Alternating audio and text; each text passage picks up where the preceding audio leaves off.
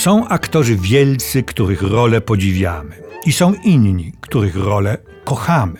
Kochamy tych, z których sztuki bije serdeczne ciepło, od której milej nam się na świecie żyje. Otóż to serdeczne ciepło bije z gry Mieczysławy Ćwiklińskiej, jak rzadko z któregokolwiek artysty. Była i jest uśmiechem, radością i szczęściem sceny polskiej. Tak pisał przed laty wybitny krytyk i historyk teatru Adam Grzymała-Siedlecki. Kochali ją wszyscy. Mówili o niej pani Miecia, bardziej spoufaleni, po prostu ćwikła. Urodziła się w Lublinie 1 stycznia 1879 roku. Należała do sławnego rodu aktorskiego Trapszów. Również jej rodzice występowali na scenie, a ojciec także dyrektorował i reżyserował. Chcieli oszczędzić córce losu i trudów życia aktorskiego. I dlatego wysłali ją do dalekiego Poznania, by tam pobierała nauki i uczyła się dobrych manier na solidnej i przyzwoitej pensji.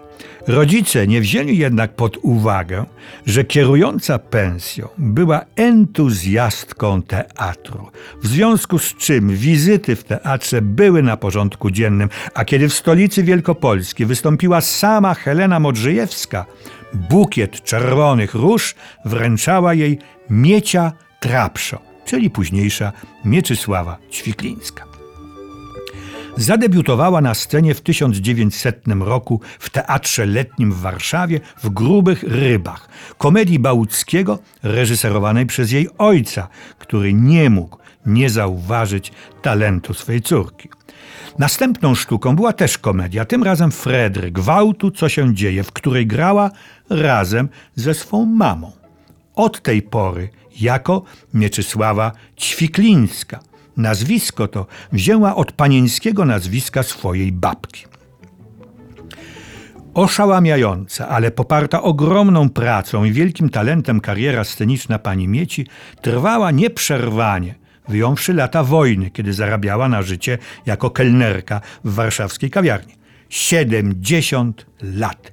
Nie będę wymieniał jej wszystkich znakomitych ról, bo byłby to spis przypominający objętościowo książkę telefoniczną.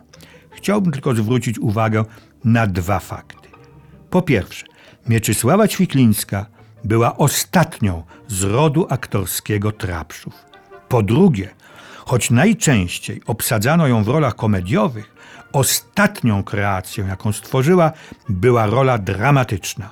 Babki w sztuce kasony, drzewa umierają stojąc. Tytuł niemal symboliczny. Stwierdzano, ta wielka aktorka komediowa zdobyła się na najgłębszy wyraz dramatyczny i przejmującą wymowę ludzkiego serca, godną prawdziwej tragiczki.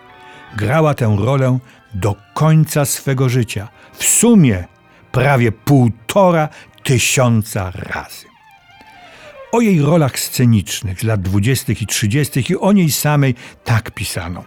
Uśmiech miała niezapomniany, figlarny, szelmowski, z miliardami dołeczków w policzkach, z dziwnym błyskiem w chabrowych oczach i głos o elektryzującym brzmieniu, z lekka nosowy, z lekka ku francuskiemu grasejowaniu biegnący, a podatny na wszystkie uczuciowe wibracje, po aktorsku nośny.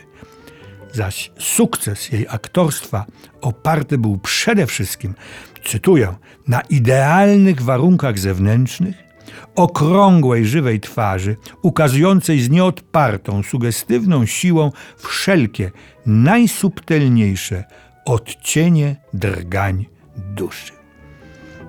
W swojej karierze szła przez lekką komedię do tak zwanej komedii wyższej, komedii serio, która ociera się o dramat. Osiągnęła swój szczyt w dramacie ogarniającym całość życia i całość człowieka. I jeszcze tylko jeden cytat. Śmiechu, który ona wznieca, myślący widz nie potrzebuje się wstydzić. W filmie pojawiła się późno, bo dopiero w 1933 roku, kiedy miała 54 lata. Jej pierwsze filmy to ekranizacja dramatycznej i skandalizującej powieści Żeromskiego Dzieje grzechu i arcyśmieszna komedia Jego ekscelencja Subiekt. Następne przeboje to innymi Czy Lucyna to dziewczyna? Grała tu matkę tytułowej bohaterki, damę z pretensjami. Dodek na froncie, przejęta swoją rolą pani pułkownikowa. Pan Twardowski, drobna, ale kapitalna rola krakowskiej mieszczki, trendowata, wytworna baronowa. Dorożkarz numer 13, matka, która ceni sobie pieniądze wyżej niż szczęście swojej córki. Dziewczęta z Nowolipek, ulubiona rola pani Mieci, matka ambitnej, ale nieszczęśliwej Amelki. Pani minister tańczy, porzucona przed laty przez narzeczonego, który obiecał małżeństwo, dochodzi teraz swych praw. I tak dalej, i tak dalej. W sumie zagrała w ciągu siedmiu lat w 40 filmach. Najczęściej były to role niewielkie, ale jak zagrane. Prawdziwe perełki kunsztu aktorskiego, dowcipu, wdzięku i niepowtarzalnego uroku. Po wojnie pojawiła się już tylko w jednym filmie ulicy Granicznej. Miałem to szczęście, że poznałem osobiście panią Miecię i udało mi się przeprowadzić z nią filmowaną rozmowę, ostatnią już, na kilka miesięcy przed jej śmiercią, która nastąpiła 28 lipca 1972 roku. Mieczysława Ćwiklińska miała wtedy 93 lata. Rozmowa ta znalazła się w programie telewizyjnym w Starym Kinie, programie wyłącznie jej poświęconym. Ostatnie pytanie, jakie zadałem, brzmiało: czy chętniej grała na scenie, czy przed kamerą? Ożywiła się wtedy i z uśmiechem wykrzyknęła: Na scenie, na scenie! I po chwili dodała z przejęciem: Bo ja kocham teatr.